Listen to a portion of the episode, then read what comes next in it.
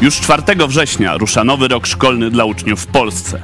Czy uczenie się w szkołach publicznych jest jedyną możliwością, czy może jednak istnieje dla nich jakaś alternatywa? Z czym trze- trzeba się mierzyć, będąc w edukacji domowej? Jakie są jej wady i zalety? O tym już za chwilę w programie Idź pod prąd na żywo. Zapraszam. not traveling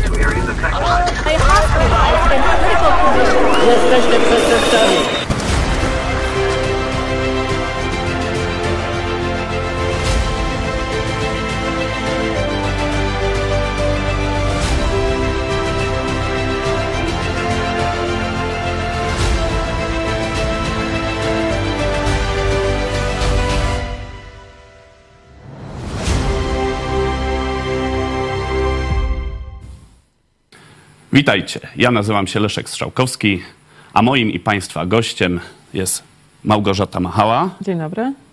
Krzysztof Machała Dzień dobry. oraz Olga Machała. Dzień dobry. No, taki trochę będzie rodzinny taki program. Porozmawiamy o, o edukacji domowej. Jeszcze y, w, według raportu sporządzon, sporządzonego przez Main dla Fundacji Edukacji Domowej 42, ty- ponad 42 tysiące uczniów było objętych edukacją domową w maju 2023 roku. To prawie 11 tysięcy więcej niż jeszcze na początku tego roku szkolnego. No i widzimy tutaj na grafice y, w ciągu dwóch lat mamy taki skokowy wzrost y, edukacji domowej. Czym to jest związane? E, No, tak jak ja patrzyłam na te statystyki, to właściwie e, w 2021 było około 20 tysięcy, a teraz jest 40 tysięcy, także to jest dwa razy tyle. No myślę, że w dużym stopniu e, poza rodzicami, którzy są przekonani do, do tej formy e, życia rodzinnego, bo edukacja domowa to nie jest tylko edukacja, to jest coś więcej, pewien styl życia, to myślę, że poza takimi rodzicami też do, do tego wzrostu przyczyniła się pandemia. Nagle okazało się, że y, dzieci mogą być w domu, że one właściwie może nawet spędzają mniej czasu na, y, na nauce, chociaż dla niektórych rodziców było y, to problemem, że dużo czasu przed komputerem, co, co eliminuje jednak to chodzenie do szkoły, ale myślę, że niektóre rodziny zobaczyły, że fajnie jest spędzać ten czas razem. Także być może pandemia przyczyniła się do tego, że y, ta liczba tak drastycznie y, wzrosła. Dobrze, teraz, teraz byśmy przeszli do tej nowej formuły, tych krótkich trzech pytań, tak y, krótkich odpowiedzi. Będzie trochę inaczej, bo na każde pytanie odpowie jeden z naszych gości. Czy w Polsce jest potrzebna edukacja domowa? Krzyśku. Y, Wydaje mi się, że nawet może nie wydaje mi się, jestem praktycznie przekonany, że edukacja domowa jest w Polsce potrzebna i mam doświadczenie, tak się złożyło, zarówno ze systemu edukacji domowej, jak i szkolnej.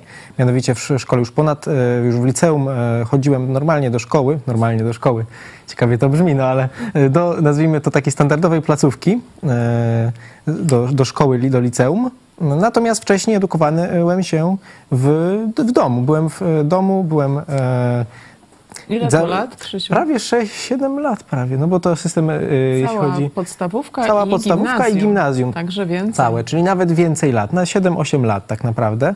Y, jak- Dziewięć. O, 9, Dziewięć, 9 tak. właśnie.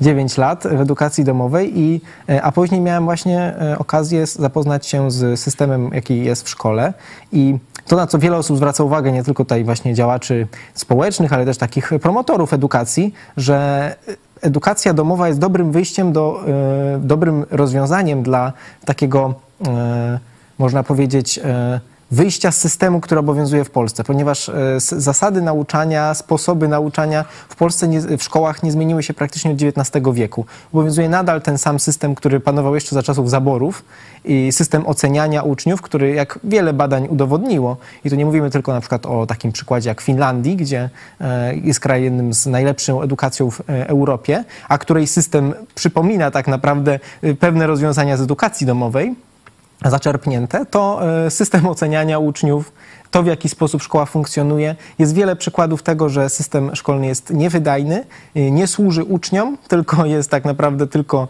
e, służy ocenianiu uczniów i jest stworzony do egzaminów, do pewnego systemu, który absolutnie nie bierze pod uwagę kreatywności dzieci. Dlatego edukacja domowa jest potrzebna. Są pewne zastrzeżenia, ale jak najbardziej jest edukacja domowa potrzebna. Mam nadzieję, że jeszcze o tych zastrzeżeniach porozmawiamy później. Teraz, y, Olgu, dla, dla Ciebie pytanie. Czy warto wejść w edukację domową? No, ja podobnie tak jak Krzysiek, e, uczyłam się zarówno w tym szkolnym systemie, jak i w tym domowym. E, uważam, że nie jest edukacja domowa dla wszystkich, ale mówię to pod względem takim wiekowym, że nie dla każdego w pewnym przedziale wiekowym będzie to odpowiednia formuła, na przykład edukacja domowa. Bo uważam tak jak e, zdecydowanie w podstawówce uważam, że uczenie się w domu bardzo pomaga w rozwijaniu się na czy poziomie takim artystycznym, czy sportowym. Ma się czas na. To jest ten czas taki wzmożonego, powiedzmy, działania. E, mm, no, pomaga w rozwoju po prostu na takim. Rozwija kreatywność. I tak, i w hobby, mm, w swoim jakichś takich powiedzmy rzeczach, którymi się interesujemy, więc uważam, że y, warto na pewno spróbować e, tej formuły. E, również mm, można się miło zaskoczyć, że uczenie się w domu wcale nie jest uwięzieniem się, albo jak to niektórzy ujmują, e, po prostu e, przykryciem kloszem e, tego dziecka, czy coś w tym stylu, bo no, tak jak mówię, z perspektywy osoby, która tego, do, tego powiedzmy doświadczyła, to jest to również fajna, fajna sprawa. W Twoim przypadku to jest ciekawe, że Ty masz e, ten rytm nauki taki dosyć nietypowy, bo byłaś cały ten okres podstawówka, gimnazjum w domu, później była pandemia, zostałaś w domu na pierwszy rok liceum, później przeszłaś przez dwie szkoły, druga i trzecia klasa to były różne licea, i teraz znowu powrót do edukacji domowej na klasę maturalną. Także y, Olga po prostu poznaje z różnych stron i siebie, i, i system. My to jeszcze do tego wrócimy, takie rozwinięcia zrobimy. No i Gosiu, dla ciebie pytanie. No jakie wyzwania stoją przed rodzicem edukującym domowo? No, cz- czwórkę dzieci to już taki... Tak, no w tym systemie edukacji domowej y, byliśmy około 15 lat. Zanim pierwsze dziecko rozpoczęło i ostatnie kończy, to, to, to tak mniej więcej będzie, około 15 lat. I myślę, że wyzwań jest sporo. Przede wszystkim podstawowe wyzwanie dla y, rodzica, który y, chciałby się zdecydować na tą formę edukacji. Uważam, że to jest odpowiedź na pytanie, czy ja naprawdę wiem, dlaczego chcę, żeby to dziecko było y, w domu. Y, Uważam, że właśnie ogromnym wyzwaniem dla rodzica jest to, że to on musi być zdecydowany, musi być pewny tej drogi, którą proponuje całej rodzinie tak naprawdę, bo tak jak wspomniałam, edukacja domowa to, y, to nie jest tylko nauka. To jest właśnie zdecydowanie się na to, że wchodzimy w taki bardzo specyficzny y, kontekst, gdzie jesteśmy non-stop razem. To nie jest tak, że dzieci urywają się do szkoły, rodzice do pracy i potem wracamy na wieczór i tak naprawdę dzieci dalej kontynuują y, naukę, a, a rodzice swoje zajęcia, tylko to jest wejście w ten kontekst bez przerwy, non-stop razem.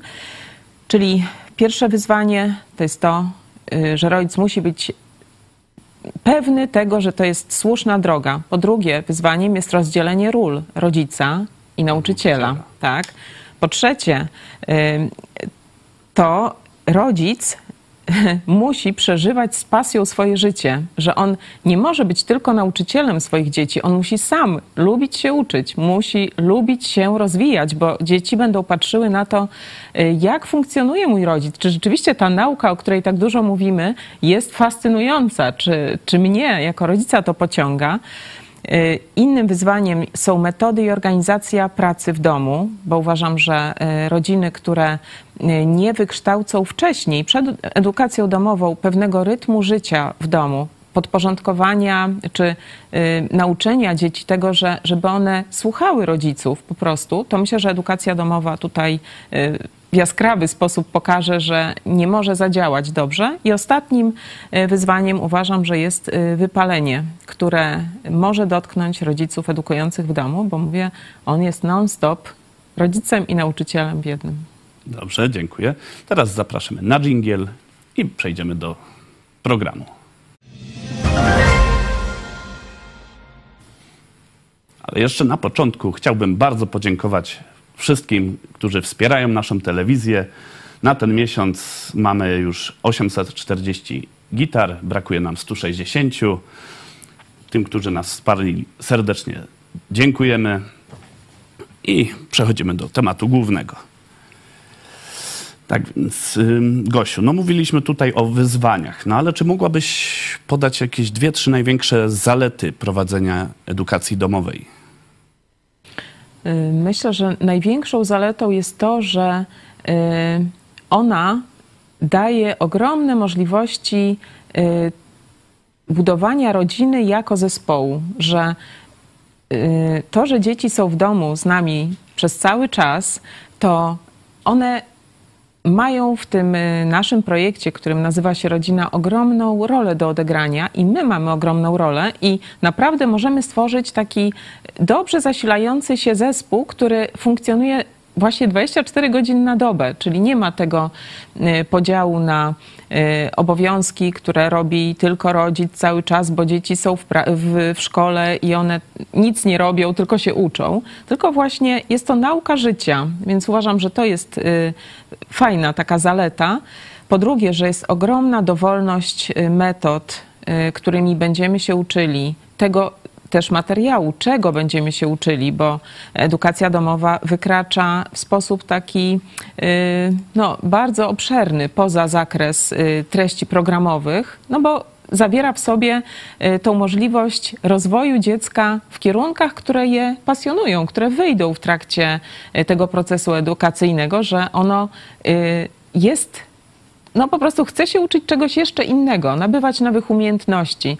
Y, No i Czyli też wychodzi się poza ramy te Tak. takie dokładnie. szkolne. I też, że oczywiście miejsce jest ważne, że edukacja domowa to nie jest tylko nauka w domu. To jest właśnie, to są biblioteki, to jest y, dwór, to są parki, to jest po prostu każde miejsce, gdzie jesteśmy, ono może być inspiracją do tego, żebyśmy mogli się po prostu uczyć. Okej, no a czy czymś grozi edukacja domowa? Trochę już wspominałaś o tym wypaleniu.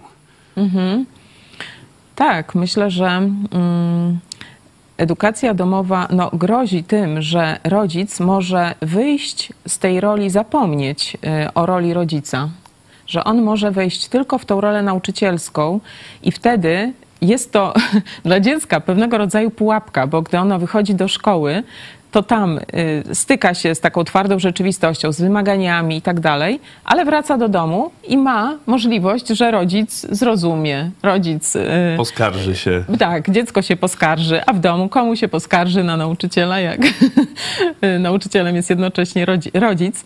Tak oczywiście troszkę przejaskrawiam, ale y, mówię, że jest tutaj ten problem, że rodzic może, jakby to powiedzieć, przesadzić z edukacją i y, może pełnić ciągle tą rolę, która jest wtórną rolą, wobec tego, że on jest przede wszystkim rodzicem i powinien być wrażliwy na swoje dziecko, powinien właśnie w taki sposób czujny podchodzić też do, do całego procesu edukacyjnego i wychowawczego, y, reagować na potrzeby, na możliwości dziecka. Także myślę, że y, to jest takie zagrożenie, że rodzic może się zapomnieć w tej swojej pasji, że on może nie zarazić tą pasją dziecka, tylko po prostu realizować swoją wizję, która y, może nie być spójna z tym, czego y, i potrzebuje, i y, no, może potrzebuje dziecko. Em, A jak wy oceniacie okres edukacji domowej?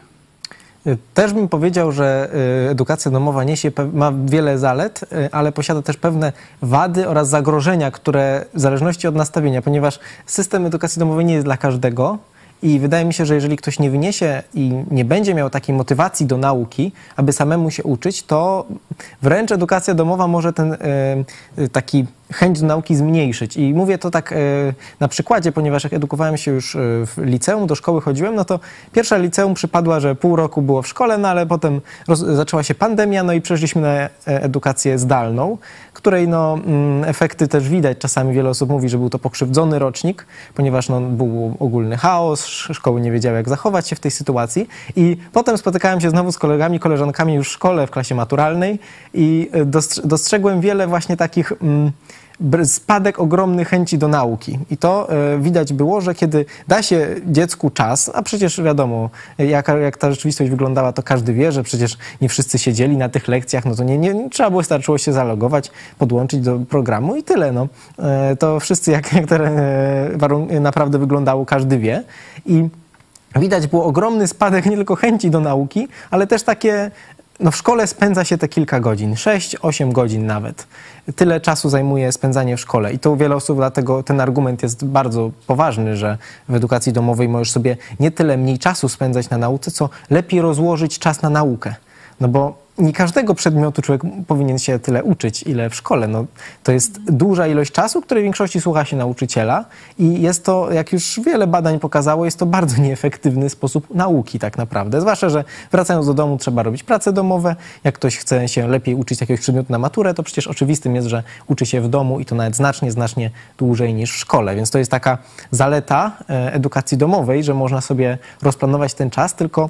Ale e, przepraszam, tylko wejdę ci w słowo, bo wydaje mi się, że właśnie to jest ta, ta różnica, którą pokazała pandemia, że y, dzieci, które się uczyły w domu, były w edukacji domowej, one Były zorganizowane. tak, ale one też nauczyły się uczyć. One wiedzą, że ciężar odpowiedzialności spoczywa w dużej mierze na nich. Natomiast dzieci y, szkolne wtedy okazało się, że nie mają takiego przewodnika, który dokładnie ich poprowadzi w tym procesie edukacyjnym i myślę, że dlatego y, te efekty ich y, były mniejsze i motywacja była też niska.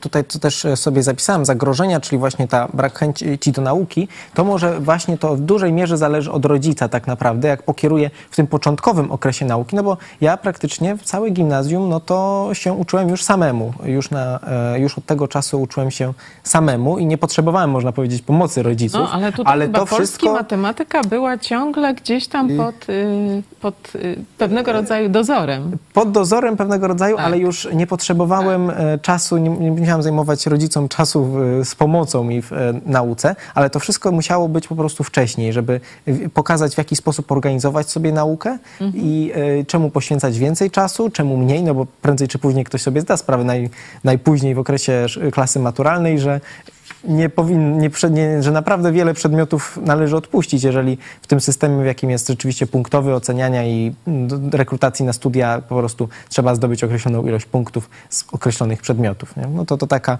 e, to takie zagrożenie, które widzę w edukacji domowej, ale to tak naprawdę też w szkole tak samo się styka. Jak ktoś nie ma motywacji do nauki, nie będzie się uczył i nieważne, czy będzie w edukacji domowej, czy w szkole.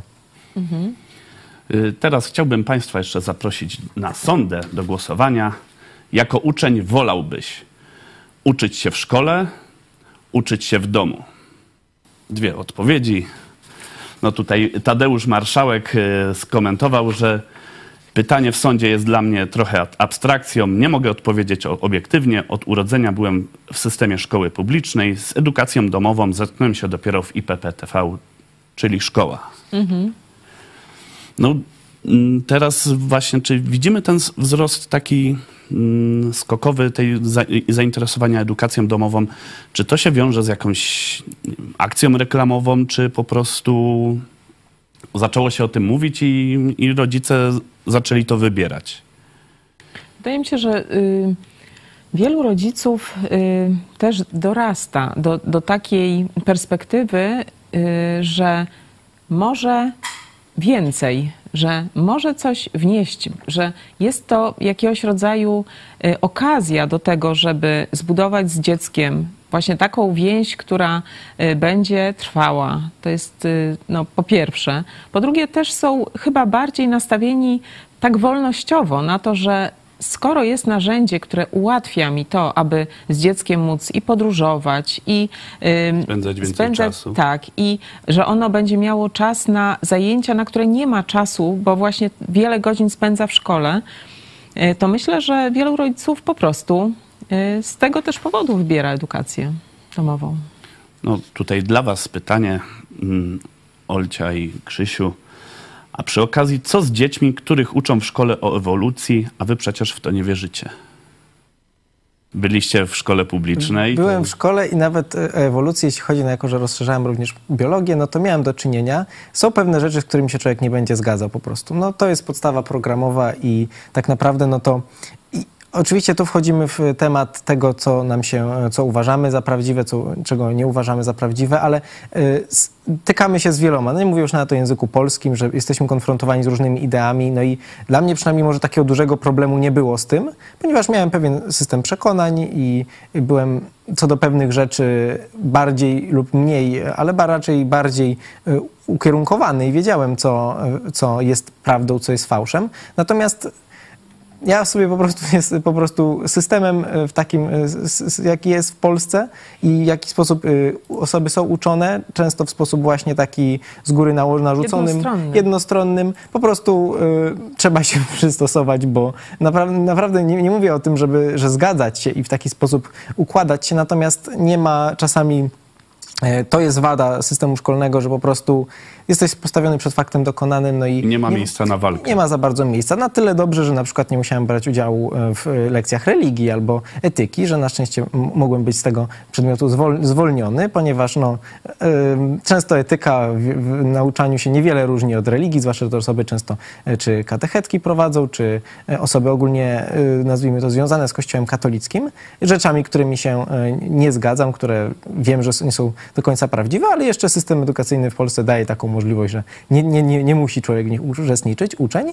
E, Natomiast no, e, po prostu tak to jest. No, nie jest narzucony te, temat, no i niestety trzeba sobie z nim radzić, no taka prawda.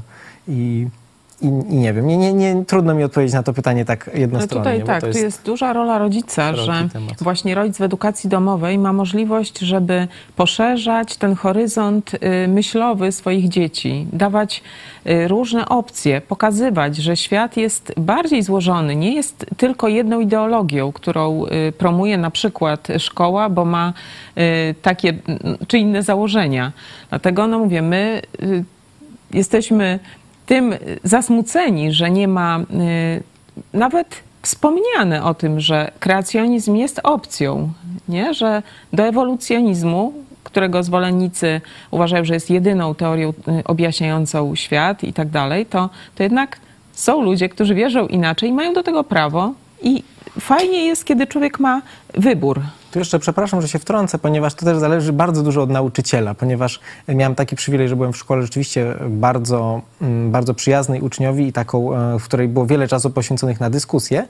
I tutaj, jeśli chodzi o ewolucję, to e, nasza pro- profesor, nasza nauczycielka e, przedstawiła e, różne rodzaje e, kreacjonizm, przedstawiła, przedstawiła właśnie e, teorię ewolucji jako jedną z e, tłumaczących właśnie mechanizmów zmian i właśnie powstawania gatunków, ale zaznaczyła, że są różne możliwości i to jest kwestia już wiary, y, jeżeli chodzi na przykład o kreacjonizm. No ona mówi, ma tu podstawę, musi uczyć y, tego, czego uczy, ale że i mówi, że istnieją inne rzeczy i istnieją inne metody postrzegania tego, więc no to też dużo zależy od nauczyciela, w jaki sposób Tutaj będzie to przedstawione. Mogę wyjść w, trochę w kontraście do Krzyśka, bo ja akurat do pierwszej szkoły, do której trafiłam, e, na której z lekcji historii rozszerzonej, to takie było kółko, e, no rozszerzałam ten przedmiot, więc mm, tam rzeczywiście więcej się rozmawiało niż na podstawie, bo też nauczyciel miał mniejsze grono, powiedzmy, uczniów, ale no doświadczyłam, że powiem inaczej.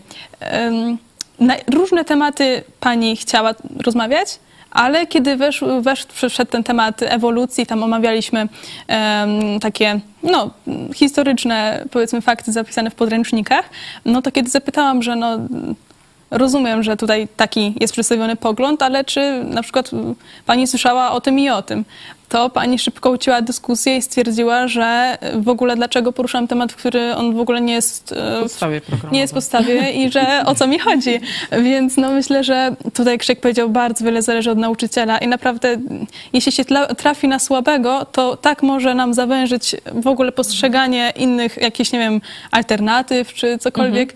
Zawężyć nasze takie powiedzmy mm, samodzielne myślenie, bym powiedziała. Tak, ale to też jest ciekawe, że dociekliwość, która jest naturalna dla człowieka młodego, ona ma ogromne możliwości rozwoju właśnie w edukacji domowej, natomiast ona jest ukrócana jako taka zgrzytająca i, i niewygodna w y, tym y, systemie szkolnym. To, to na pewno. No tu Krzysiek mówił o tym systemie XIX-wiecznym, gdzie tam no początki, początki miały w szkole pruskiej.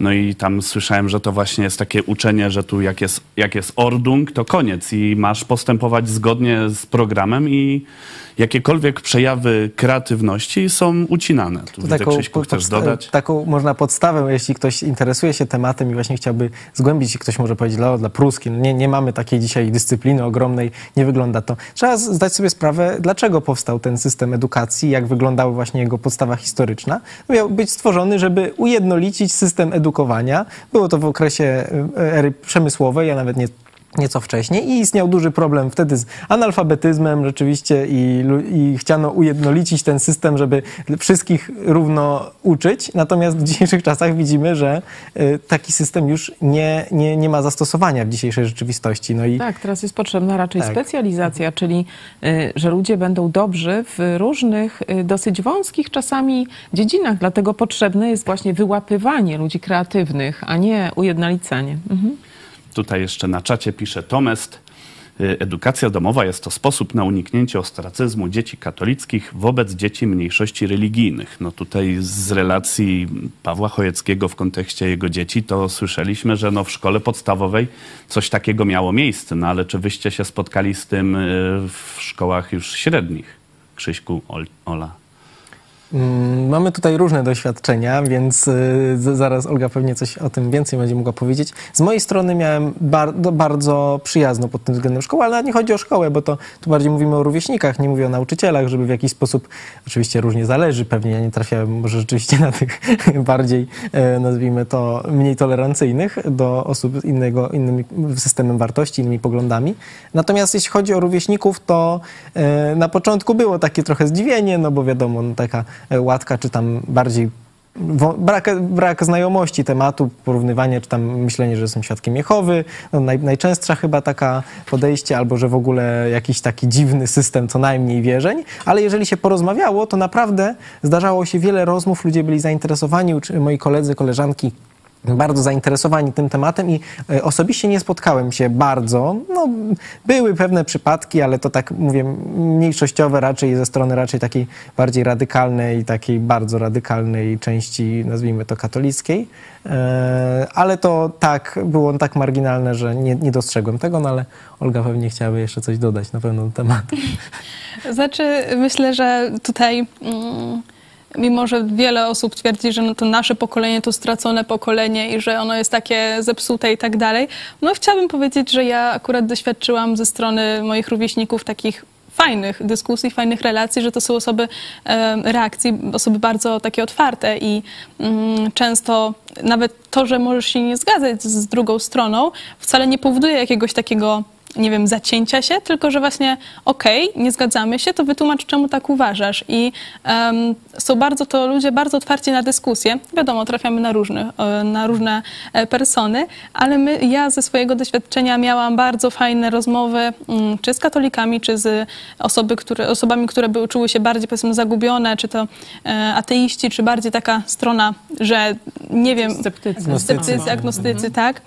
No tutaj myślę, że do rówieśników nie, w ogóle nie mam żadnych e, wątów, ale no to też jest trochę, trzeba myślę, że podkreślić, że ja zaczęłam uczyć się w szkole od liceum, a powiem szczerze, że nie wiem jakby to wyglądało w podstawówce, bo uważam, że z tego, co słyszałam, z jakich historii, to w podstawówce dzieci, znaczy myślę, że nawet nie trzeba być w szkole, żeby to zauważyć, że dzieci mm, właśnie te podstawówkowe e, są o wiele mniej, że tak powiem, dobierają uważnie słowa i są bardzo radykalne, bardzo najmniej, radykalne w swoim, e, swoich stwierdzeniach, więc tak. E, Co do mm, nauczycieli, no to niestety mm, nie będę rozwijać tematu, ale w, pewnej szkole mm, no, pomimo tego, że nie chodziłam na religię, sobie wypisałam się z początkiem roku szkolnego, to koledzy i koleżanki byli tak zafascynowani moim poglądem, że postanowili mnie zaprosić na lekcję religii, uzgadniając to z nauczycielem, y, z katechetką, która się zgodziła. Y, Niestety podczas lekcji jej radykalność, powiedzmy, wyszła na jaw. No, nie chcę... Nie otworzyła pola do dyskusji. Nie otworzyła pola do Mało dyskusji. powiedziane, niestety. E, pozwoliła chociaż wyjść z klasy? e, wręcz powiedziałabym, że wype... A, wygoniła. Nie no, dotrwałam do końca lekcji, ale niestety ża- w ogóle totalny brak chęć do w ogóle jakiejkolwiek dyskusji, zrozumienia po innego poglądu, a każde moje zdanie było odbierane jako atak w momencie, w którym po prostu stwierdziłam inaczej niż to, co ona uważa, więc Jak to odebrali jest- rówieśnicy? Wszyscy powiedzmy, no niestety, dopiero po lekcji swoje poparcie wyrazili, ale i tak to dużo dla mnie znaczyło, że właśnie wykazali się taką otwartością umysłu, że okej, na przykład jestem katolikiem, ale no to co, że w ogóle, że zero brak jakiejkolwiek, nie wiem, dyskusji na ten temat, to była przesada, no nie, że okej, tutaj widzę, że z czymś się różnimy, ale no to nauczyciel powinien trzymać ten poziom takiej rozmowy, że oto teraz wytłumacz nam czemu tak, a teraz ja ci powiem czemu się myli, no. ale w ogóle przyjąć to, że ktoś może myśleć inaczej, a tutaj takie totalne To jest taka bardzo ekstremalna sytuacja, ale ona trochę pokazuje to, że czasami od naprawdę nauczyciela zależy ogromna, bardzo wiele zależy, bo no, to taki ekstremum jest troszkę, ale no, taka niewielka, można powiedzieć, szkoła w, nie powiem, że nie, jakaś taka niewielkomiastowa w Warszawie, gdzie czy tam coś takiego, tylko rzeczywiście taka mała, mała gmi, wiejsko-gminna szkoła i już tutaj y, y, system podejścia do takiego, że brak dys- chęci dyskusji, ucinanie tematu, to może wystąpić naprawdę, że y, to jest takie, no bardzo, można powiedzieć, no ktoś powie nieuczciwe podejście, ale mi się wydaje, że no po prostu to jest dowód na to, że system edukacyjny jest już przestarzały, że przy tyle zależy od nauczyciela, że Może temu też Że może rodzice to widzą i stąd taki wzrost zainteresowania. Mamy super czatowicza, Dariusz Niedźwiecki, dziękujemy. I też od, przy okazji przeczytam jego komentarz. Ja też byłem w systemie szkoły publicznej, natomiast my jako rodzice zabraliśmy dzieci ze szkoły rok temu. No i tu Gosiu, teraz pytanie do ciebie. Ile kosztuje edukacja domowa? Oprócz pracy włożonej, czy to jakiś walor y, finansowy też jest wymagany? No tak, rodzic ponosi, ym, znaczy rodzice ponoszą y, koszty, takie materialne koszty, które są związane, y, no wiadomo, te podstawowe, czyli zakup y, podręczników, ale też zakup materiałów innego rodzaju, że, że rodzice, którzy dbają o rozwój swoich dzieci, oni będą szukali naprawdę różnych źródeł, różnych y, warsztatów, różnych zajęć, za które bardzo często trzeba płacić, y, ponieważ chcą, żeby ich dzieci się rozwijały dobrze. Y, Po drugie, jest taki koszt związany z dojazdami, bo y, część rodziców edukujących w domu y, wybiera sobie szkołę, która jest położona daleko od ich miejsca zamieszkania. No i wtedy muszą dojeżdżać na egzaminy. Te egzaminy końcowe trwają zwykle. Tam są rozłożone w czasie, ale nawet no, kilka dni trzeba poświęcić, więc y, dojazd, zakwaterowanie, wyżywienie, to wszystko. Y, ostatnio chyba słyszałam, nawet jeden z rodziców mówił, że kosztowało go tam około 1500 zł. No taka wyprawa. Egzam- Y, ten na egzaminie. tak, na egzaminy. Y, Natomiast tutaj to myślę, że jest też duża oszczędność, y, jeśli chodzi w pewnych y, dziedzinach, że dzieci nie muszą mieć różnych takich rekwizytów, które mają, gdy chodzą do szkoły, czyli tam wypasionych toreb, tornistrów, czy tam ubrań takich, wiecie, gdzie młodzież się ciągle porównuje i, i tylko patrzą, która marka wiedzie teraz w, w tej przestrzeni szkolnej, mogą spokojnie, y, jakby to powiedzieć, no nie muszą brylować, nie? To, to troszkę uwalnia y, te wydatki rodzicielskie. Ale mówię, taki y, inwestowanie w edukację to jest, jest to rzecz kosztowna. Zresztą myślę, że też rodzice, którzy uczą dzieci, posyłają dzieci do szkoły, to też to wiedzą. Korepetycje, na przykład my na pewnym poziomie też musieliśmy korzystać z korepetycji, bo w zakresie fizyka, chemia niektóre Nie można dzieci... być mistrzem we tak, wszystkim. dokładnie. Niektóre potrzebowały tutaj wsparcia i miały, czy nauka języków, więc y, no, to są takie koszty.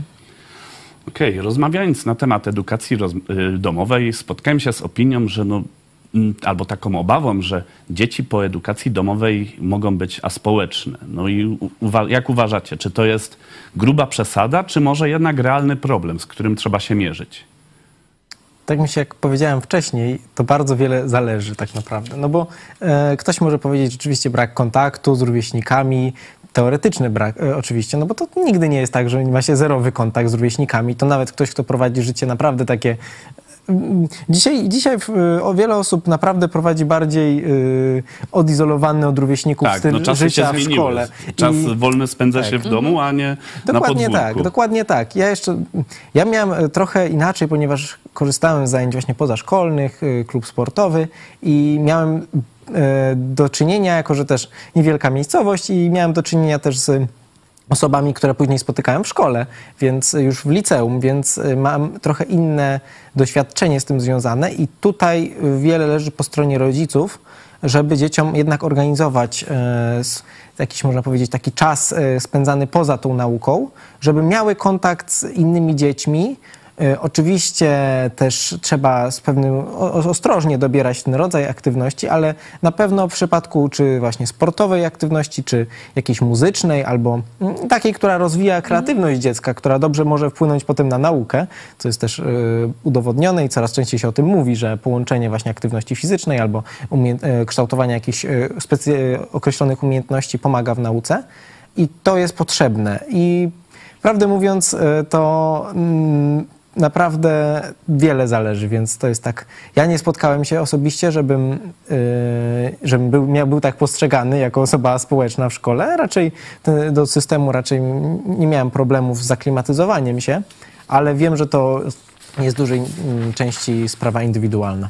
Tutaj może tak e, właśnie uściślę, że mm, też te dzieci z edukacji domowej, gdy wchodzą w system szkolny, to one bardzo często okazuje się, że mają pewne umiejętności, które nabyły dzięki temu, że miały czas z innych dziedzin.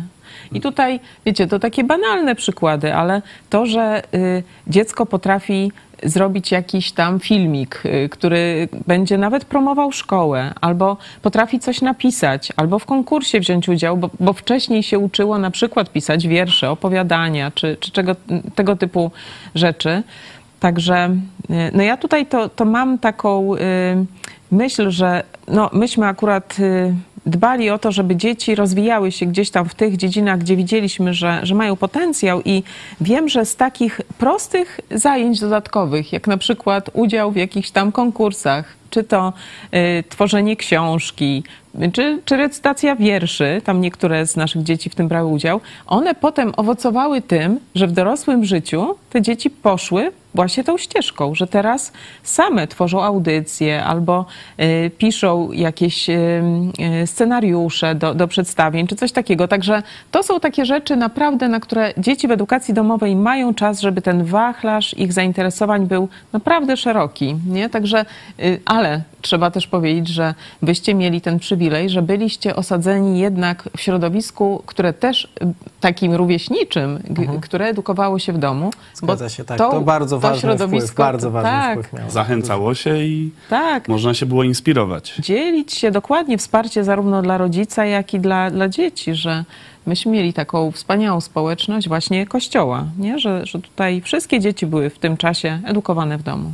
Tak jak powiedział Krzysia, to tak mogę jeszcze e, właśnie myślę tylko podeprzeć to, co on powiedział, że oczywiście no, dzielimy się na tych ekstrawertyków i introwertyków, ale to od rodzica zależy, w którą stronę popchnie to dziecko, że popchnie, pokaże mu inne, no to było określenie, ale że pokaże mu inne, że tak powiem, możliwości, że no na przykład ma trudność z, mm, konta- z nie wiem, rozmowami z innymi ludźmi, no to powiedzmy, że zacznijmy od jakichś takich, e, nie wiem, artystycznych, rysowanie. On będzie sobie tam rysował z innymi dziećmi, no to spoko, a potem, nie wiem, przejdźmy na jakiś sportowy dział, że tutaj ten kontakt fizyczny, na przykład, nie wiem, jakieś karate, e, współpraca w tym, w tym sporcie jest też taka fajna, taka jakaś, nie wiem, e, koordynacja tych samych ruchów i tak dalej. No myślę, że e, edukacja domowa jest naprawdę dla większości osób, jak nie wszystkich, ale myślę, że to od rodzica na samym początku najwięcej zależy, w którą stronę, e, jakie pokaże możliwości, że na przykład widać malutką taką iskierkę, że sport, no to trzeba też, myślę, że to wykorzystać, edukacja domowa pomoże w tym, że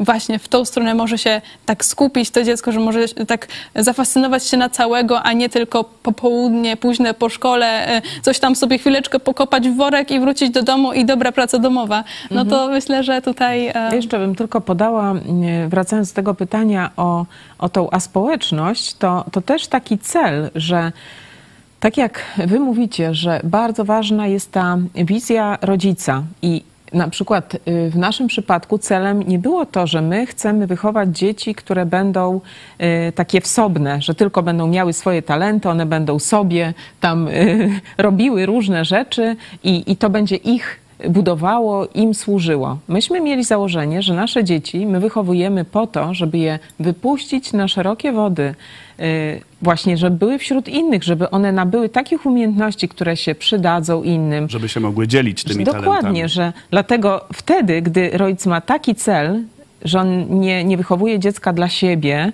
tylko wychowuje go dla innych tak naprawdę, żeby ono kiedyś swoją rodzinę potrafiło właśnie y, tworzyć w taki sposób otwarty, y, to, to wtedy to zupełnie chroni przed y, tą obiekcją, że wychowamy go na takiego y, odizo- odizolowaną jakąś jednostkę. Nie? No powiem ci, jak tu tak o tym mówisz, to aż mi się wydaje czymś zupełnie przeciwnym, co można widzieć właśnie w, szkole, w szkołach, gdzie ci rodzice często tak mm, skupiają dzieci, żeby, czy uczą je, żeby były skupione tylko na sobie, prawda? I, no i to może, to może być y, w takiej szkole publicznej, może być, że się człowiek uczy a społeczności. Nie wiem, jak tu, czy to przesadzona opinia, czy... Mm, Bardzo przesadzona, trudno powiedzieć, bo spotkałem się naprawdę rzeczywiście w systemie szkolnym, też zdarzają się jednostki indywidualne, które naprawdę kontakt z rówieśnikami też mają ograniczony, są w szkole, ale jakby ich tam nie było, więc argument, że nie chodząc do szkoły na pewno zostanie, będzie osoba społeczna, nie będzie potrafiła Nie, odnaleźć. to- to nie chciałem tak sądzić, Jest to niepra- tak jest nie do końca to- prawdziwy.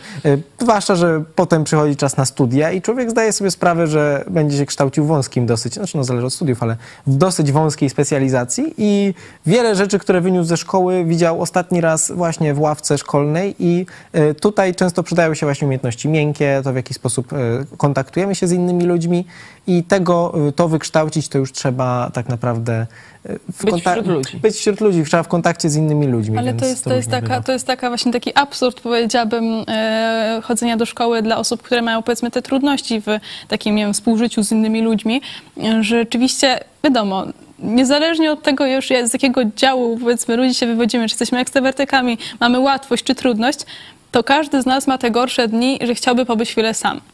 A że musimy dzień w dzień chodzić do szkoły i dzień w dzień nadal zachowywać uśmiech, dzień w dzień być takim energicznym człowiekiem, no myślę, że po ka- każdemu po jakimś czasie się to znudzi i będzie potrzebował chwili wytchnienia.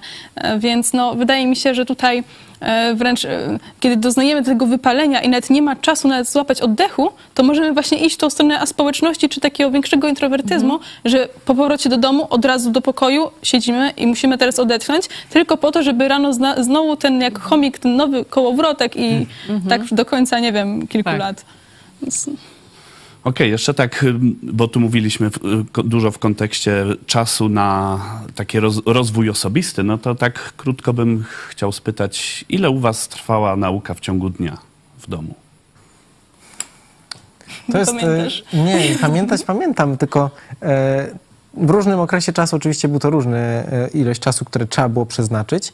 E, wiele osób trochę było zdziwionych, kiedy mówiłem w szkole, mnie pytali właśnie o ile się, musiałeś się uczyć.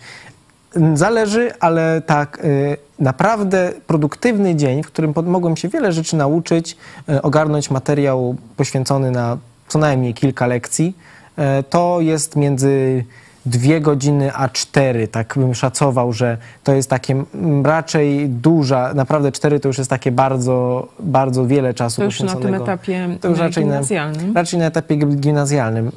Y, Tak naprawdę, no, to jest ten, może nie problem, Wiesz- że nie jest narzucony, nie ma narzuconego czasu, który trzeba poświęcić i dla osoby, która potrafi to sobie rozplanować, może będzie krócej to dziennie, a czasami osoby będą mniej uczyć się jednego dnia, innego więcej, ale w moim przypadku no to wynosiło tak między właśnie dwie godziny, a cztery tak naprawdę mniej więcej Takiego tyle. skoncentrowanego Tak, czasu. skoncentrowanego Tak, czasu. to też jest y, bardzo takie niezwykłe w tym pierwszym etapie y, y, klasy 1-3, gdzie tak naprawdę na zajęcia, takie, w których siedzieliśmy razem i uczyliśmy się tam czy, czy pisania, czy liczenia, to to było godzina dziennie. To, to nie było więcej.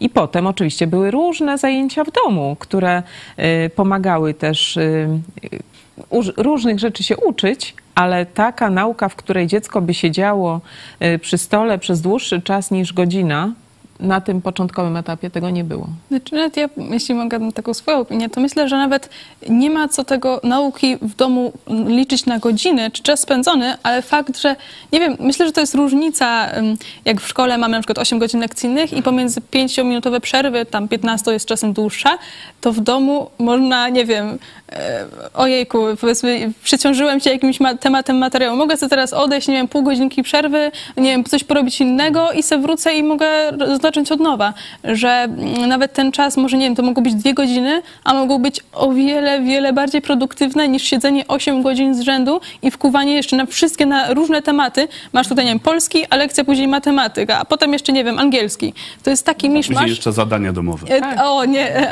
Dokładnie tak. I jeszcze edukacja nie kończy się w szkole, chociaż człowiek spędza tam czasami nawet 8 godzin dziennie, e, ucząc się różnych, tutaj jak Olga powiedziała, różnych przedmiotów, z różnej bajki można powiedzieć.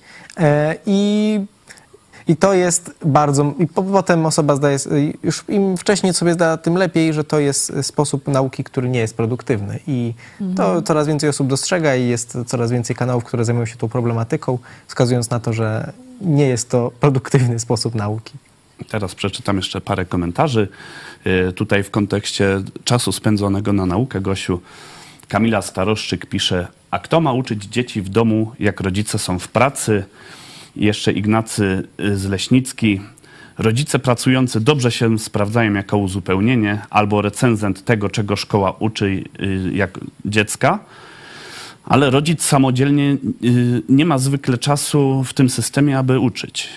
No i jak ty Tak. byś na to odpowiedziała? To jest właśnie y, ten pierwszy komentarz, który był, on jest y, również, wpisałabym w te koszty, że jeżeli rodzic, rodzina, rodzice decydują się na to, żeby rozpocząć edukację domową, to najczęściej jest tak, że któryś z rodziców musi Zostaje przestać pracować. Tak, także to jest y, wyzwanie. U nas tak było przez cały ten cykl edukacyjny, że, że pracował tylko mąż i w związku z tym miało to swoje i zalety, i wady. No, zaletę taką, że, y, że on nas utrzymywał, y, ale wadą było to, że był po prostu bardzo często zajęty. Nie? To, że ym, tata uczył was angielskiego, no to, to dzięki temu, że mógł was wziąć też w grupy, które prowadził, nie? to to było bardzo dobre, ale to jest dobra uwaga, że y, dlatego rodzic, który podejmuje się tego wyzwania, jakim jest y, edukowanie swoich dzieci, on musi to wziąć pod uwagę, że prawdopodobnie y, trzeba będzie obniżyć standard życia albo, y, no, albo innymi sposobami to robić, bo y, u nas jedny, no, mieliśmy takich znajomych, gdzie rodzice zdecydowali się na to, że dzieci uczyły się w domu, oni obydwoje pracowali, ale wynajmowali y, edukatorów po prostu dla swoich dzieci. Miały korepetycje chyba tam z większości przedmiotów. No w ten sposób sobie radzili. Jest to jakieś rozwiązanie? Tak. No tak, ale to jest głównie to edukacyjne, mówię. My to tak jednak często patrzymy w sposób taki szeroki, że edukacja wychowawczy. domowa to jest tak, głównie y, wychowanie i przy okazji edukacja, to się wszystko y, miesza, no bo wiadomo, No i było to dla ciebie dużym wyzwaniem? Y, Tak, było dużym wyzwaniem, chociaż mm, jakby to powiedzieć, to nie było wielkie, takie przerastające mnie, wiadomo, bo y, jednak od początku, kiedy dzieci tylko się pojawiły na świecie, to, to nasze życie było ułożone w pewnego rodzaju taki rytm. Ono się toczyło rytmicznie. Byście były uczone y, wielu obowiązków. Nie? Ja nie miałam takiego założenia, że ja będę ma- taką matką Polką, która wszystko robi sama i, i po prostu dzieci mają się tylko rozwijać tak, jak chcą i, i tak dalej. Nie, nie mieliśmy takich założeń, tylko właśnie chcieliśmy, aby dzieci nauczyły się wszystkiego, co jest potrzebne w domu, żeby funkcjonowały, żeby były pomocą i tak dalej. Dlatego y, no, dla mnie to było ważne, że ja y, w dużym stopniu narzuciłam pewnego rodzaju taki schemat funkcjonowania. Dzieci wiedziały, kiedy jest na co czas i myśmy na to, mieli po prostu czas i na naukę. dyscyplina. Dokładnie. Ja myślę, że każdy rodzic, który ma dziecko y, w wieku przedszkolnym i nie, nie dał go do, do przedszkola, tylko czeka tam na, na podstawówkę, to on ciągle realizuje tą rolę edukatora domowego. Nie? Wychowuje dziecko, pielęgnuje, uczy. Także było to, mm, wyzwanie, ale nie było to takie wielkie wyzwanie. Tutaj rodzic no, po prostu musi włożyć na początku dużo y, pracy, żeby wychować swoje dziecko do tego, żeby ono chciało go słuchać, żeby chciało przyjmować wiedzę, żeby było ciekawe, czyli inspirować je, ale przede wszystkim, żeby właśnie było y, grzeczne, nie? Takie, y, że, żeby po prostu dało się z nim pracować, bo myślę, że takie dzieci, które są wychowywane, znaczy tak się mówi, prowadzone w takim systemie, że rodzic podąża za dzieckiem, tylko patrzy, gdzie ono chce się rozwijać i on za nim idzie, a nie prowadzi go w sposób taki określony, to myślę, że później taki też owoc ma. To jest indywidualista y, na końcu, który y, nikogo nie chce słuchać, nie? Poza sobą samym. No, czy były jeszcze jakieś momenty, gdy miałaś już tego wszystkiego serdecznie dość? Dawali popalić? Tak. No, oczywiście. To właśnie to jest tak, że w edukacji, no, myśmy mieli czworo dzieci. Więc y, najfajniejszy, taki najbardziej y, lotny czas to był wtedy, gdy rozpoczynaliśmy edukację domową. Wtedy była pierwsza córka, my mieliśmy y, i pomysły, i takie, i czas, no bo to tylko jedno dziecko stało przed tą potrzebą zdawania egzaminów, więc no, to było bardzo takie proste, przyjemne, fajne.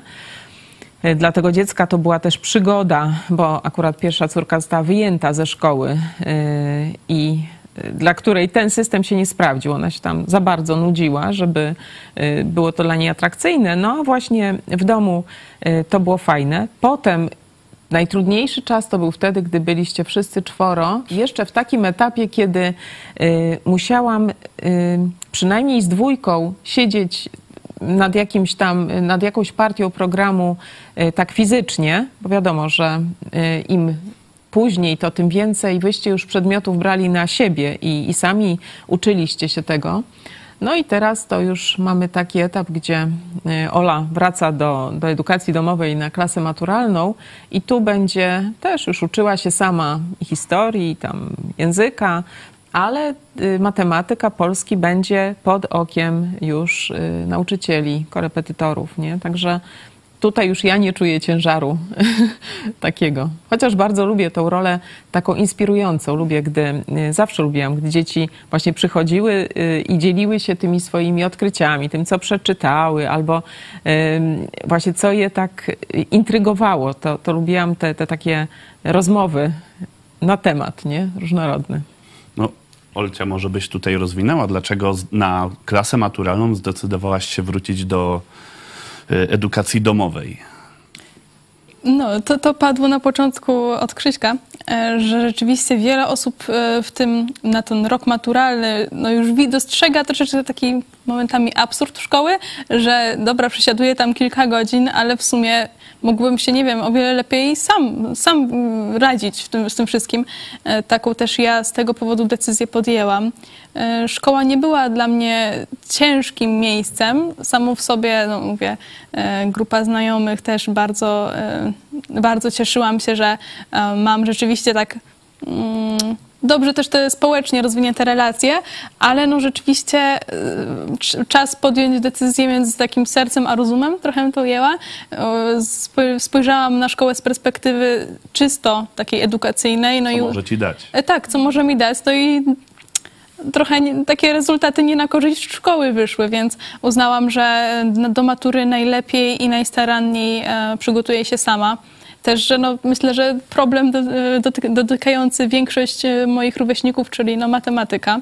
E, ja tutaj... em, Nie jesteś wyjątkiem. Niestety, e, tak. No, pocieszam się, że nie jestem jedyna w tym, ale no, em, mam duży problem z matematyką i rzeczywiście mimo chęci nauczyciela, szczególnie w tej drugiej szkole, który był naprawdę cudowny, to to nie jest możliwe, żeby zająć się spersonalizowanym przypadkiem, żeby nauczyciel miał czas to zrobić, więc no, trochę nie widzę innej opcji niż po prostu wzięcia w swoje i korepetytora ręce tej sprawy. No, u ciebie tak. jeszcze tylko dodam te dojazdy, bo y, Ola chodziła do szkoły y, nie na miejscu, tylko musiała dojeżdżać, więc y, też czas, który traci się na, na te dojazdy, też y, no, był ważnym argumentem. No też, że tutaj e, wiadomo, krąży zawsze ten mem, e, wstawanie e, wczesne rano, kiedy jest się z wioski. No to muszę niestety przyznać, że to prawda, bo wstawianie piąta, czwarta, trzydzieści piąta tylko po to, żeby autobus, jak, jedyny jaki był, to był, nie wiem,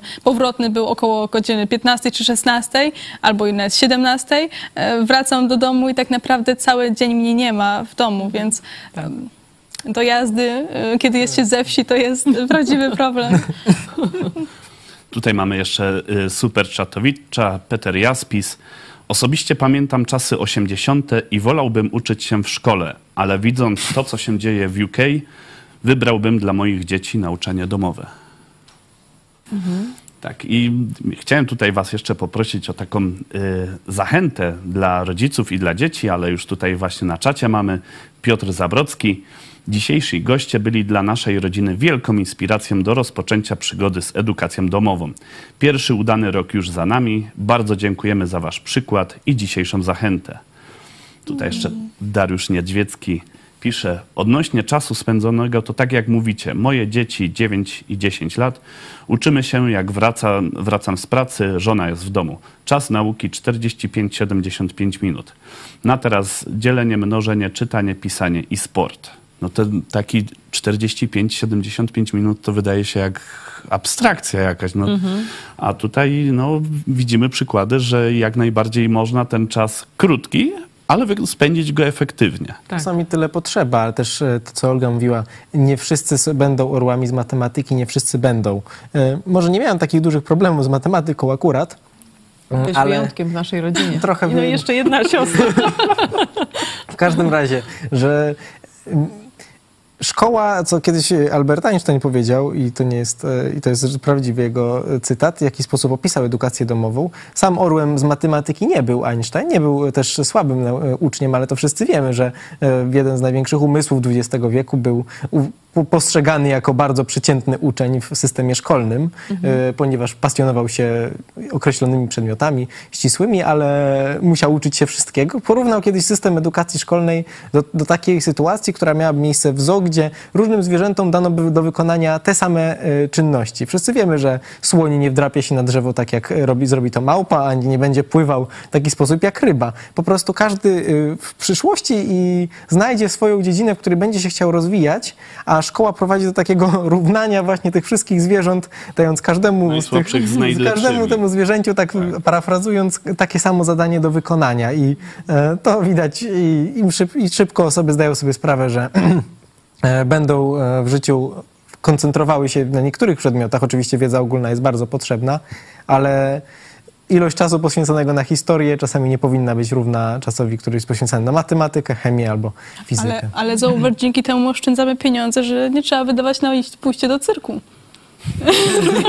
Też zgadza się trochę. Jeszcze na czacie tutaj Ignacy z Leśnicy zadaje pytanie, jak wygląda realizowanie podstawy programowej, szczególnie u dzieci starszych, uczących się w wyższych klasach?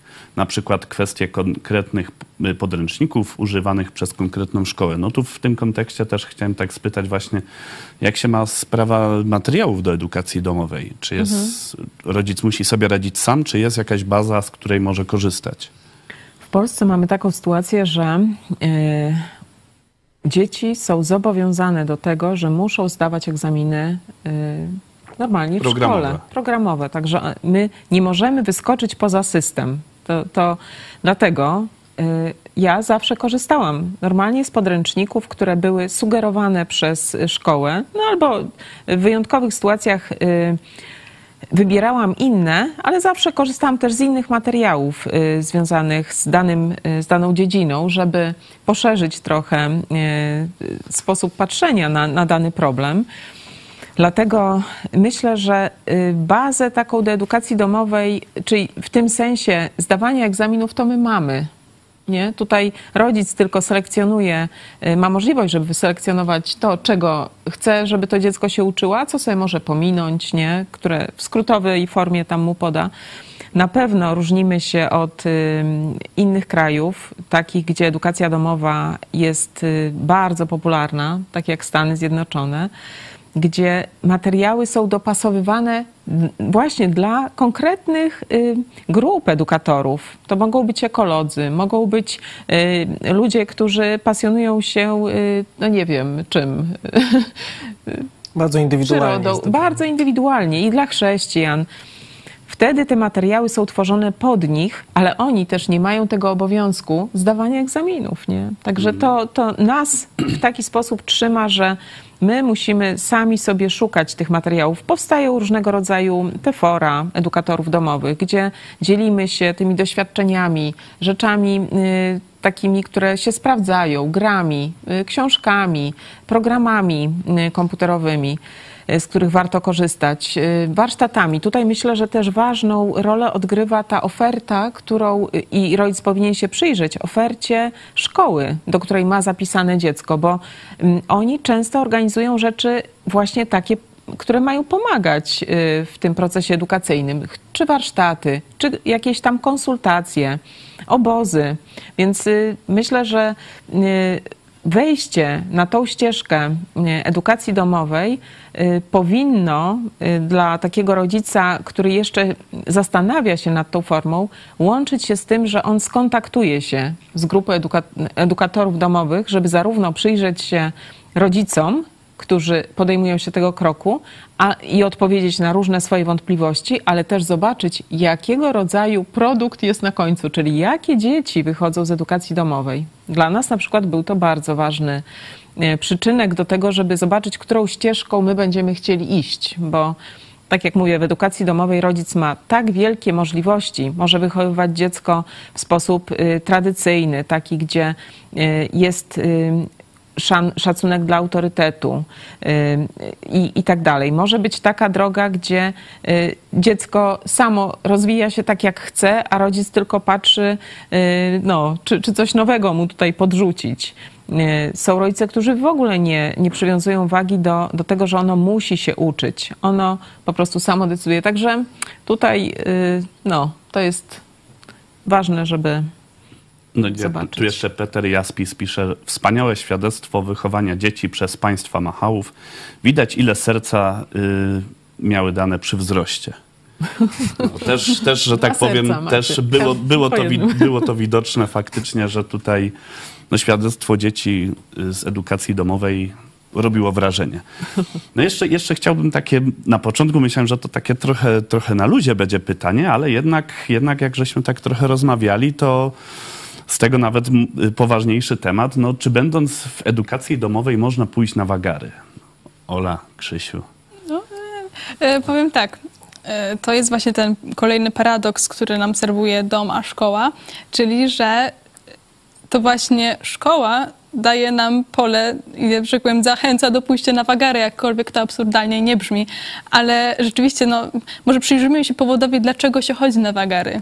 No człowiek jest przeciążony, nie wiem, uczył się wcześniej jeszcze całą noc, na przykład na jeden sprawdzian i po tym sprawdzianie to te emocje z niego schodzą i czuje się po prostu już taki powiedzmy wytłamszony, więc wydaje mi się, że dom wręcz stanowi, edukacja domowa, mm, uczenie się w domu, wręcz stanowi taką ratunek dla osób, które no, cierpią na takie częste przemęczenia, na takie powiedzmy prze przeedukowanie się w pewnym momencie, w pewnym dniu, że potrzebują tej odskoczni i w domu mogą z czystym sercem na chwilę odłożyć podręczniki, wiedząc, że nie robią nic złego, a w szkole mm, powiedziałabym ten cały system wręcz e, popycha do tego, aby e, taką sobie przerwę zrobić, taką niewpisaną w grafik, bo też myślę, że trzeba mm, nadmienić, że coraz to nowe, wiadomo, pokolenia, no, nasze jest inne od y, mojej na przykład pokolenia mojej mamy i też potrzebuje już czegoś innego. I teraz coraz bardziej wchodzi ten temat, że może by zaczynać naukę od dziewiątej rano, może zaczynać, y, może jednak jeszcze wcześniej od siódmej. Prawda jest taka, że nie dogodzi się każdemu. I ja uważam dlatego, że tym bardziej osoby, które cierpią na to, że nie, nie potrafią żyć w pewnych określonych ryzach, które serwuje nam szkoła, powinny realnie się zastanowić nad edukacją domową, bo to może być taki złote odkrycie, coś, co jest wręcz, wykracza poza jakieś wszelkie systemowe tak, wyobrażenia. systemowe. Tak. Tak, to czy Czy na wagary? Ja osobiście nie chodziłem na wagary w szkole. Chodziłam. E, Nie zachęcamy. Nie Mamy różne Nie, doświadczenia. W każdym razie e, nie chodziłem na wagary, nie czułem takiej potrzeby, mm, ale też prawda jest taka, że miałem dosyć już wykształcony systematyczny sposób e, nau nauki i po powrocie do domu nie poświęcałem już ogromnej ilości czasu na naukę. No musiałem, no pewnych rzeczy się nie przeskoczy, praca domowa z matematyki, no to trzeba do wieczora siedzieć i jest człowiek, musi takie, taką rzecz zrobić. To jest, nie oszukujmy się, Ale- taki e, wy, wyciągający emocje, chęci do nauki No ale zauważ, e, system. wstajesz rano tylko po to, żeby od 8 do, nie wiem, powiedzmy 16, 15 się uczyć, wracasz do domu, jesz obiad tylko po to, żeby znowu siąść do nauki. tak, to, jest właśnie ten paradoks, System, że... który bardzo zachęca do naprawdę Wagarowania. Tak, wagarowania. dom może mieć y, taką, czy osoba, która nie za bardzo wie, jak to się dzieje, dom może być taką miejscem, że y, osoba, która uczy się domowo, to inny człowiek może powiedzieć, ojejku, ona jest cały dzień w swoim miejscu nauki, to jest straszne. A prawda jest taka, że właśnie szkoła, z której teoretycznie wchodzimy i wychodzimy, ona nie wychodzi z nas, jakkolwiek to dziwnie nie brzmi. Ona zawsze jest z tyłu głowy, te prace domowe z każdego przedmiotu, to jest dla mnie po prostu wręcz... y, Tak. Brak Tak, rozłożenia siły, ale też e, tego, że naprawdę co wiele systemów, i to już wszyscy zauważają, fi- fiński jest dobrym przykładem, ponieważ jest e, to naród, w którym e, edukacja została bardzo potraktowana w sposób odmienny, troszeczkę przypominający tak, jak i edukacji domowej czasami jest, na przykład właśnie zero pracy domowej i tego, że uczeń uczy się w szkole i nie poświęca innego czasu, no bo, czy na wagary, no bo e, niby się jest ta 24 na 7 w miejscu nauki i, się- i się niby uczy cały czas. Nie, nie do końca tak jest. Człowiek e, ma właśnie czas na chwilę przerwy, na dłuższą chwilę przerwy, nie jest objęty taką narzuconą ramą, ale przede wszystkim nie poświęca czasu później, który już może poświęcić na coś innego, a tak to musi siedzieć w książkach po Właśnie taki smutny fakt, że, znaczy smutny, nie smutny, e, dzięki rodzicom i wujkowi, który pierwszy podrzucił ten pomysł e, treningów karate, gdzie chodziłam z moimi kuzynkami. Potem rodzice oczywiście również zafundowali i powiedzmy zatroszczyli się o to, żebym miała regularnie te treningi i zauważyli, że mnie to zafascynowało. No to niestety pójście do szkoły zupełnie wyeliminowało mi tą pasję, chociaż sama z trudem musiałam zrezygnować, to uznałam, że no po prostu już nie daję rady. Wracam o 17 czy 16 do domu, trening mam o 18.45 albo często o 16. No i teraz połącz to. No nie da się.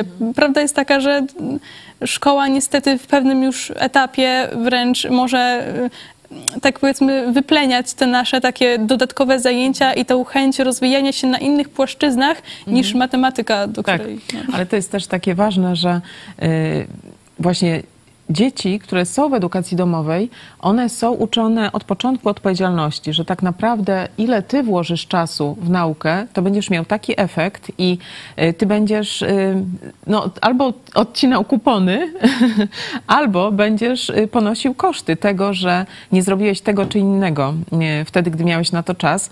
Więc ja widzę jako no, taką ogromną zachętę dla tych osób, które edukują domowo, że one mają nieograniczone możliwości, żeby budować odpowiedzialność w swoich dzieciach, nie? bo to y, na, na różnych polach nie? To, to się dzieje i potem wyrastają tacy odpowiedzialni dorośli ludzie, którzy y, są już przekonani też o swoich mocnych stronach, słabych stronach, bo w domu y, te, te różne talenty wychodzą w sposób naturalny. Nie? One mogą być właśnie podgrzewane, tak jak Ola mówi, można próbować różnych rzeczy, bo jest na to po prostu czas. Nie? To, to, to jest bardzo fajne.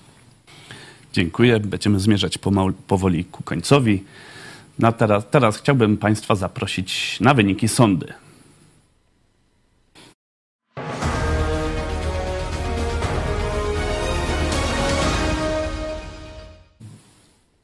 Jako uczeń wolałbyś uczyć się w szkole 37%, uczyć się w domu 63%. No tak To dzisiaj chyba oglądali nas głównie edukatorzy. Tak, ale jednak duży procent jest osób, które wierzą albo no, nie widzą siebie w roli edukatorów domowych, że no, tutaj jednak ten system szkolny, publiczny by wybrali. Jeśli mogę wtrącić, no to chciałabym, mm, ten program, wiadomo, był bardziej skierowany w stronę edukacji domowej, która niezaprzeczalnie ma swoje duże plusy i pewnie plusami też przewyższa szkołę publiczną, ale też nie odbierałabym do końca, wiadomo, plusów szkoły takiej publicznej, bo tak jak mówię, z perspektywy osoby, która uczyła się i podstawówkę w domu, i też pierwszą klasę liceum, bo wiadomo, pandemia wybuchła, nie chcieliśmy narażać e, babci i innych osób, z którymi no, mieszkałam e, ja, e, no to mimo wszystko to pójście do szkoły myślę, że może pomóc w takim odnalezieniu lub wykreowaniu mocniejszego poglądu na pewne sytuacje. Oczywiście, że będąc już przebywać, przebywając wśród innych, dużej ilości innych ludzi, to musimy mieć swoje zdanie, bo inaczej człowiek się jest po prostu nieszczęśliwy. Y, Posiadanie własnego zdania to jest też taka własna poletko wolności, gdzie możemy sami, powiedzmy sobie, e, pewien pogląd, no, tak jak mówię, wykreować i być też takimi, e, powiedziałabym, e, posiadanie własnego zdania również daje dużą wartość w przyszłym e, życiu i w przyszłym to, jak się zachowujemy w- wśród społeczeństwa, więc e, oczywiście w domu też można, ale w dyskusjach z innymi ludźmi, które mamy w szkole, jest to szczególnie, e, myślę, że wy, wychodzi na wierzch, czy my mamy ten pogląd, czy mamy jakieś zdanie, czy jesteśmy po prostu, idziemy za tłumem i mówimy e, populistyczne hasła.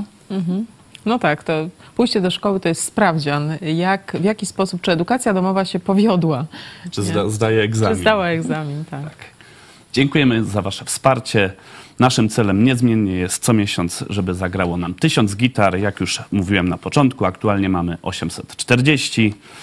Można nas wesprzeć przez przelew bankowy, PayPal, DotPay, Blik, Superchat. Szczegóły na stronie idźpodprąd.pl wsparcie, jak również na stronie patronite, patronite.pl idźpodprąd. I zapraszam Państwa na kró, y, krótki fragment, y, gdzie nasz prezes Michał Fałek zachęca do wsparcia. Hej, witajcie.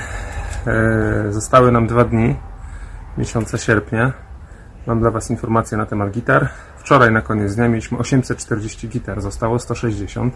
Także proszę Was o mobilizację. Ale chciałem Wam powiedzieć, że jesteśmy Wam wdzięczni za Wasze wsparcie i doceniamy każdego wpłacającego. Każdemu dziękujemy.